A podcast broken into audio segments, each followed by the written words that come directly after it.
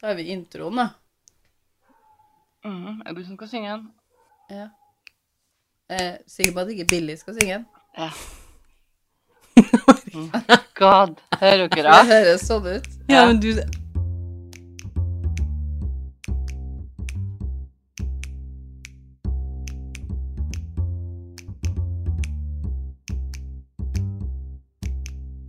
Hei, hei, alle sammen. Du hører nå på én liten pause med meg, Maria, og søstrene mine. Martine. Og Andrea. Sist uke hørte dere en bitte liten pause, så denne uka er det klart for en ny hovedepisode. Eh, Vi har prøvd å justere Andrea sin lyd bitte litt her. Litt usikker på om eh, det blir bra, men eh, Jeg vet ikke om det blir, det, om det blir vær, eller om det blir bedre, men gjenstår å se, Andrea. ja, like spennende hver gang, den lyden min. Om den ikke er det, så setter vi jo da selvfølgelig pris på om noen gir oss tilbakemelding på det. Helt klart. For det er viktig. Ja. Det er veldig De, de, de har et De eh, lytterne, eller hva vi skal kalle dem, de har, et, de har en jobb, og det er å fortelle om lyden er bra eller ikke. De har rett og slett et ansvar. Ja, de har et ansvar. Og det ansvaret er gitt til dem. Ja, jeg fikk beskjed av Maria vet du, om å sette opp før hun kom. Så, men jeg vet ikke hvordan du setter opp, så jeg flytta litt på ting. Flytta på ting, ja. Jeg var Jeg meget fornøyd når jeg kom opp her, kjente jeg. Du var pissed. Du flytta rundt på tingene, du. Ja, jeg visste ikke Jeg vet jo hvor de skal stå statuer, men jeg vet ikke hvor de skal inn igjen. Hva handler dagens episode om, Maria? I denne episoden så skal dere få høre om en sak som starter i 1938 i Manhattan, USA. Når en eier av en sigarbutikk gikk til banken for å sette inn dagens fortjeneste, og han fant ut at eh, en av dollarsedlene han hadde tatt imot den dagen, var forfalska. OK. Nå er ikke jeg noen sånn stor på sånn uh, white color crime, men uh... ikke? Det kommer vel kanskje an på hvordan personene er. Det er vel det vi liker. ja. Skal vi bare starte? Ja. Mm. I 1938, eh, som jeg sa, så fant en eier av en sigarbutikk ut at en av dollarsedlene hans var forfalska. Han hadde tatt inn den her som betaling den dagen, og når han skulle sette inn i banken, så fant han ut at denne seddelen var for, forfalska, da. Og da snakker jeg jo da om en dollarseddel her. Altså det er bare én dollar. Én dollar, altså ti kroner, liksom. Inflation calculator på nettet her, så står det at én dollar i 1938 eh, er verdt det samme som eh, 19 dollar og 40 cent i dag. Så ca. 20 dollar, da. Okay. 8 kroner og 54 øre er 1 dollar, da. Så et- 160 kroner ish. Og så er det jo litt det med at 200 kroner eh, før i tida var også ganske mye mer enn 200 kroner nå. Så liksom 200 kroner da er jo ganske mye. Ifølge New York Daily News sin artikkel om denne saken her, så var dollarseddelen ganske dårlig laga. Den, som- den forfalskninga her også. Ikke den vanlige dollarseddelen på den tida, men eh, den forfalskninga som kom inn, ja. For det første så var den laga med ganske billig papir, eh, som ikke var i nærheten av å ligne på pengepapir, egentlig. Eh, for pengepapir var laga av en sånn blanding med bomull og noe greier.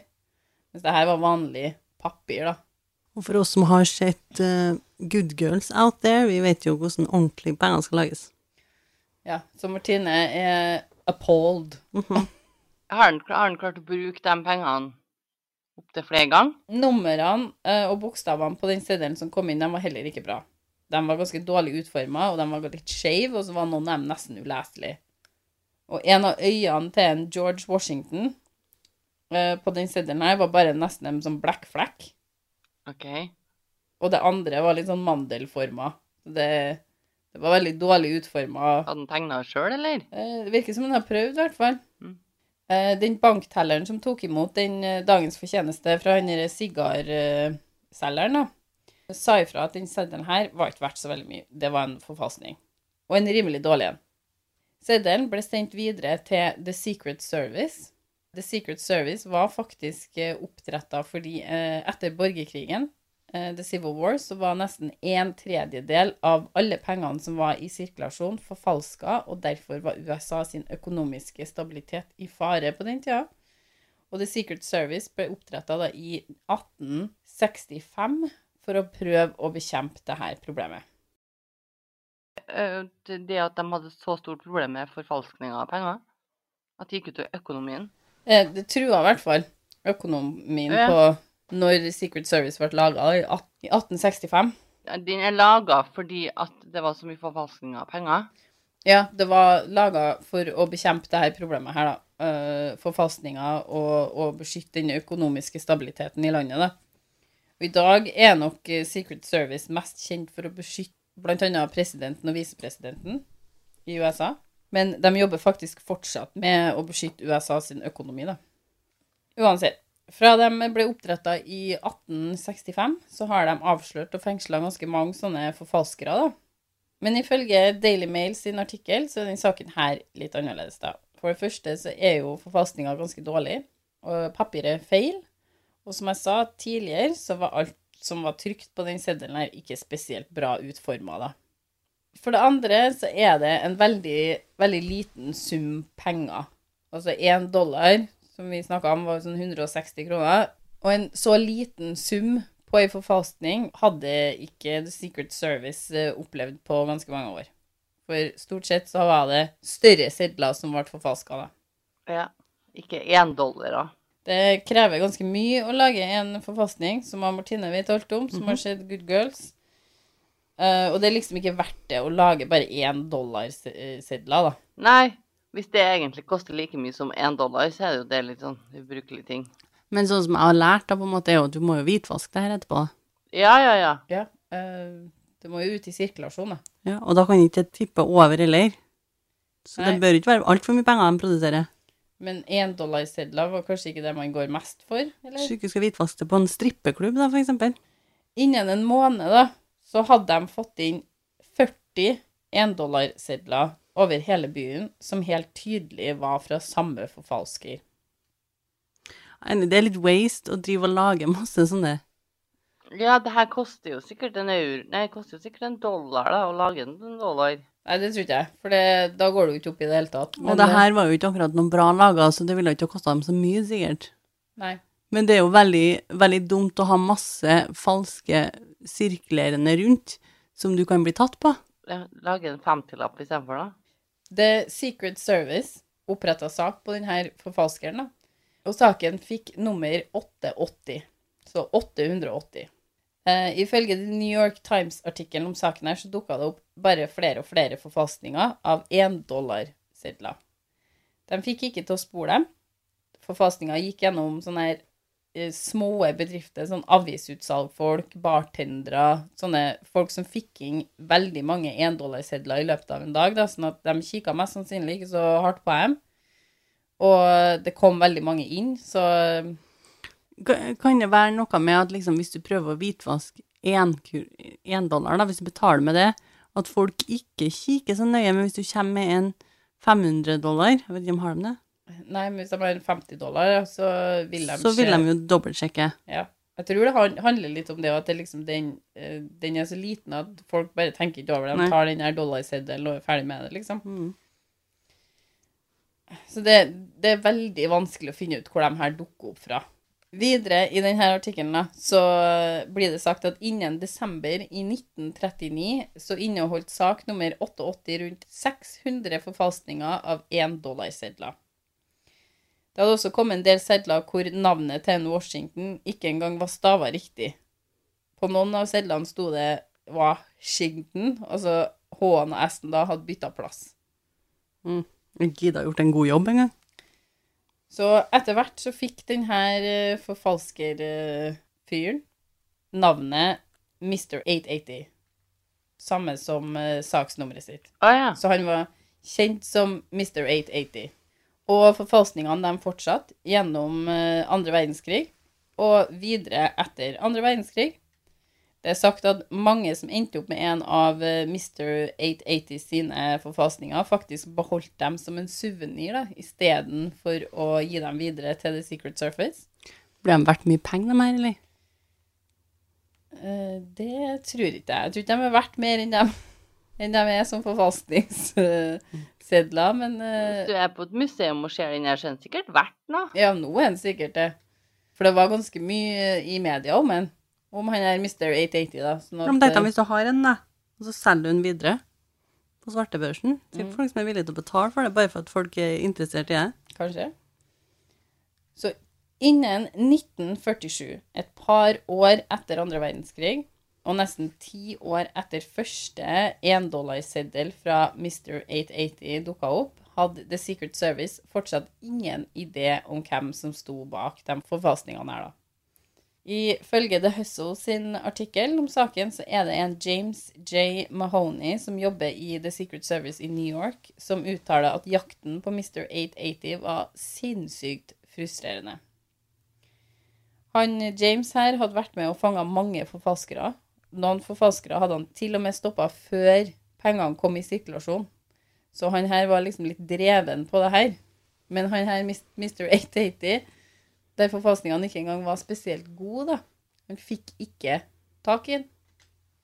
Men det var jo en uh, stor forskjell på han her Mr. 880 og mange andre forfalskere. For de fleste forfalskerne jobba for å få mer penger. Når de forfalska pengene, så var de ute etter å få en stor sum med penger, da. Men det virka ikke som han eh, Mr. 880 var spesielt grådig, så han eh, laga jo aldri eh, noe mer enn ca. 15 dollar i uka. Hmm. Så i 1947, nesten ti år etter første seddel hadde blitt rapportert inn, så hadde jakten på Mr. 880 blitt en av de største og dyreste i The Secret Service sin historie så langt. Det var nå samla inn 5000 sedler i Mr. 880 sin uh, sak, og selv om eh, det hadde vært over 1000 intervju i saken, og mange tusen flyers om saken her, så var de ikke kommet noe nærmere å finne ut hvem det var som laga forfalskningene. Men endelig så fikk de et gjennombrudd i saken. Ifølge Daily News-artikkelen så kom det inn noen endollarsedler fra politiet når en far hadde fått høre at sønnen hans og noen venner av sønnen hadde funnet en del forfalska endollarsedler. Guttene som fant de her sedlene, var sånn rundt 9-12 år. Og i et par av kildene står det at de eh, ikke engang skjønte at det her var noe som måtte rapporteres inn til politiet. De hadde leka seg med pengene her for at de trodde det var lekepenger. Mens i et par andre kilder så står det at de sa fra til foreldrene sine med en gang. Så litt usikker på hva som stemmer der, men eh, det som i hvert fall skjedde, var at de fant de her pengene den 13. januar i 1948 i ei bakgate der de var begravd eh, under en del snø, sammen med en del annet skrot. En av foreldrene til de her guttene tar med seg de her sedlene og leverer dem inn til politiet, som igjen overleverer dem til The Secret Service, som tar seg av sånne forfalskningssaker. Så du sier at pengene var så dårlig laga at ungene til og med trodde det var lekepenger. Ja. Og eh, når de kommer til The Secret Service, så blir de da identifisert som håndverket til Mr. 880. De finner òg ut at blant det skrotet her, som sedlene ble funnet med, da, så er det deler av det Mr. 880 brukte for å trykke opp sedlene. OK. Sånn at blant resten av skrotet så var det òg noen de der platene han brukte for å trykke opp dem. da. Mm. Og når The Secret Service finner ut hvor de her guttene hadde funnet det her, eh, de her sedlene og det litt sånn skrotet, så fant de også ut at det har vært en brann i en leilighet i bygget ved siden av. Brannmennene som hadde tatt seg inn i leiligheten, hadde sett seg nødt til å begynne å hive ut en del skrot, fordi det var så mye skrot i den leiligheten, at eh, de måtte begynne å hive det ut vinduet da, for å få slukka brannen og liksom komme seg fram i leiligheten. Sånn hadde de her eh, platene fra pengepressene endt opp i ei bakgate sammen med annet skrot, og også noen av sedlene. da. Og mannen som bodde i den leiligheten, det var han Mr. 880. Og det virkelige navnet hans, det var Emrich Jutner. Ikke fra Amerika, eller? Nei, opprinnelig fra Østerrike. Riktig. Han eh, var en 73 år gammel mann med en hvit bart. 73 år ja. Hvit bart. Ikke noe hår, ingenting, bare hvit bart. Jo da. Han hadde en, eh, et tannløst smil og eh, var ganske eh, slim. Men jeg liker at de har beskrevet med et smil. Ja, tannløst smil. Som en blid mann. Ja. Det var en blid mann. Bli mann. Absolutt. Uh, han hadde bodd til dattera si noen dager mens eh, leiligheten ble jobba på da, etter denne her brannen som oppsto. Og han forteller at det var faktisk hunden hans, altså hunden til en, uh, Emrich, da, som vekte den uh, når det brant. Så han Emrich her hadde akkurat tid til å komme seg ut, men hunden hadde ikke kommet seg ut. Mm. Og ifølge The Hustle sin artikkel så spør The Secret Service han om sedlene når eh, de er i leiligheten her, og så de spør liksom hvor lenge har han drevet og laga de her sedlene. Og han svarer helt ærlig at han har holdt på i ni til ti år med de sedlene her. Og så de er liksom sånn OK, så du innrømmer det, liksom? Og han bare Å ja. Ja ja, selvfølgelig innrømte han det. Han hadde aldri gitt mer enn én dollar til enhver person, så ingen personer noen gang mista mer enn én dollar. Og ja, så han har kun brukt én dollar i alle bedrifter han har brukt pengene, fake pengene på. Ja, så han har, ingen mista mer enn én dollar, da. Så hvis Når- han skulle kjøpe seg avis, så har han alltid kjøpt på forskjellige plasser med forskjellige Over hele byen, da. Så han har liksom farta litt rundt i, for å bruke pengene sine overalt. De mister ikke sånn kjempemye. De, de, det er en én euro de blir lurt for, liksom. Ja, Dollar. dollar. Dollar, mener jeg. Euro, sorry. Beklager. Eh, euro, dollar. Dollar, ikke euro. Men hvem han fyren her var for noen, da? Vil dere kanskje vite? Ja, han var en snill mann eh, som smila masse med bart. Og hadde en hund.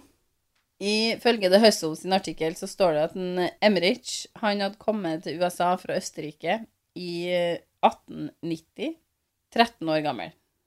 Han hadde, som veldig mange andre, dratt til USA for å finne et bedre liv. Han jobba på for å få pengene inn, men han eh, hadde sånn helt innerst i hjertet en liten oppfinner. Men det er jo ikke alltid så enkelt hvis du er litt dårlig til det. Så er liksom drømmen stopper på et visst tidspunkt, da. Ja, man ikke har helt evnene til å gjennomføre den, nei. Men i 20-årene sine så prøvde han hardt å finne opp masse forskjellig. Han Mm. satt til langt på natt og laga sånne blueprints over ting han, eh, han, eh, han fant opp, da. Deriblant eh, vindupersienner. OK. Sånne spesiale vindupersienner som ble avvist av alle firmaer han prøvde seg på. Og så prøvde han å finne opp et nytt kamera, som Kodak sa nei takk til. Hva var, hva var det som var spesielt med det her kameraet som han hadde funnet opp, da? Eh, nei, det vet jeg. Så ønsket er der, men evnen er Altså, ønsket er kjempestort, men evnen er veldig liten for å få det til. Men når ender han opp med å finne ut at han kan lage penger istedenfor? Det er jo litt sånn uh, nei, for i mange tiår lever Nemrich her i USA i et rolig liv, helt normalt liv. Han gifter seg, han får to barn, han jobber som vaktmester veldig lenge. Uh, men når Emrich uh, blir 61 år i 1937, så dør kona hans. Og han innser at han har blitt for gammel til å jobbe som vaktmester. Det er ikke noe han eh, får til lenger. Det er mange mange arbeidsledige folk på den tida her, så han finner seg heller ikke noen ny jobb. Han er alene etter at ungene har flytta ut og fått egne liv, og Emmerich kommer i en situasjon der han trenger penger. Men eh, han har ikke noen måte å få penger på. Han prøver å løse det ved å få tak i ei handlevogn, og så går han rundt omkring i byen og samler på forskjellige ting han finner i søpla, og så prøver han å få solgt det som selges kan. Han er nå oppfinnsom, ja. Men han får ikke inn nok penger på denne måten. Så, og det er jo en av grunnene til at leiligheten hans er så fylt til randen med Crap, liksom. skrot, liksom. Det er fordi han samler på veldig mye ting han finner. Men han får ikke inn nok penger, og han trengte mer penger hvis han eh, ikke ville ende opp på gata. Så for å beholde leiligheten sin, så trengte han å få inn mer penger. Ikke masse penger, men litt mer penger. Og det er ansett som veldig vanskelig å få falske sedler, i hvert fall på den tida her, da. Og så var det også ganske dyrt. Men eh, han jobba med det han hadde, så han brukte det han kunne, og fiksa en, da, en noe dårlig variant av en dollarseddel som han eh, begynte å trykke opp eh, sedler med.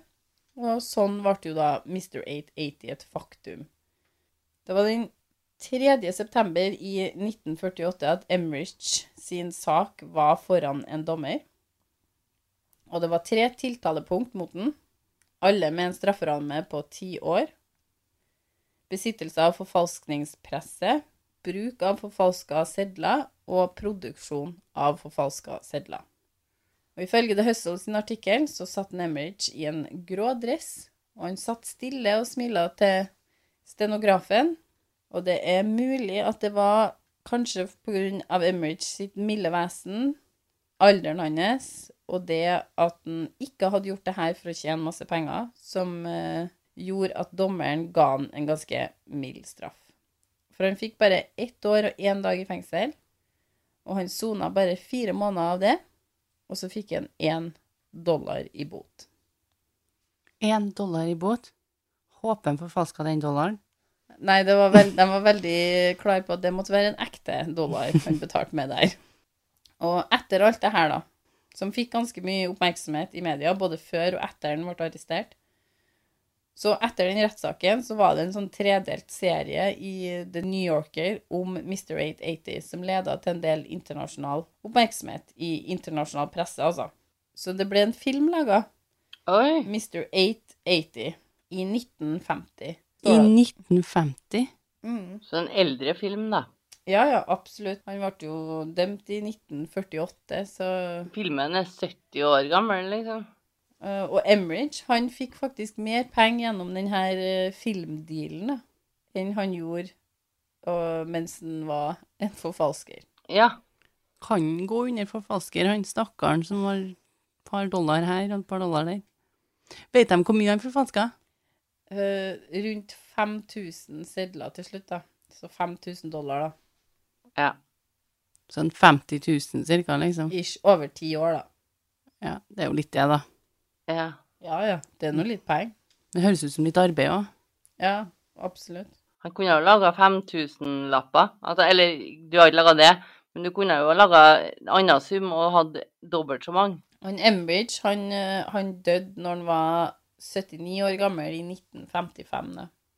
Og det var historien om Mr. 880. Mr. 880. Ja. Oppfinneren. Det var en kortere episode den gangen her, dessverre. Så eh, Jeg syns det var spennende, Maria. Jeg syns det var en, eh, en, eh, en, sikkert en veldig artig mann med bart. Og Et stort smil. ja, han hadde ikke tenner, i hvert fall. Det så jeg på bildet av han. ja. Han var veldig søt, da. Ja, han hadde ikke noe hår heller. Han hadde bare bart. Hvis vi finner noen bilder vi kan legge, legge ut, Martine, av Associated Press eller et eller annet, så kan vi kanskje legge det ut på Instagrammen vår. Mm. Av forfalskningene og han Emrys Jotner. Ja, men det var så vanskelig å finne bilder av forfalskningene til han. Legge et link til en artikkel som har dem i seg, da. Ja. Et eller annet. For se hva vi får det. Follow this link to see more. Det blir litt sånn rart, man blir liksom ikke Ja, godt han var tatt, liksom. Nei, du, du får ikke den. For det var nesten litt sånn Det var synd at han ble tatt, stakkars mann. Han gjorde det jo bare for å overleve, da. Og han Ja. var jo veldig forsiktig med hvordan han brukte pengene sine, og at han ikke ville at folk skulle lide så mye for at han brukte dem. Men det som er ganske Men- spennende med saken, er jo at han klarte å ikke bli fanga på ti år, da. Og det som er tingen, er jo at det er jo fortsatt ikke lov. Nei, det er ikke lov. Det er ikke lov, nei. Det er noe så strengt ulovlig som kan går få det der, da. Og hvis du først skal gjøre noe lovlig, så gjør det i mindre skala. Det er det vi har lært. det, det Ta den Slipp det unna. Da slapp du billigere unna. Det her var Ja, det var det vi fikk av denne moralen her. Gjør det litt mindre. Det var alt vi hadde for denne gangen. Det var ikke bare alt det, Maria. Det var masse, det. Følg oss gjerne på Instagram. En liten pause. Om du har en historie til de bitte lille pausene våre, som eh, det blir neste uke, så send oss gjerne en mail. På en liten pause podkast at gmail.com. Og som alltid, tusen takk for at du lytta på. Vi høres. Ha det. Ha det.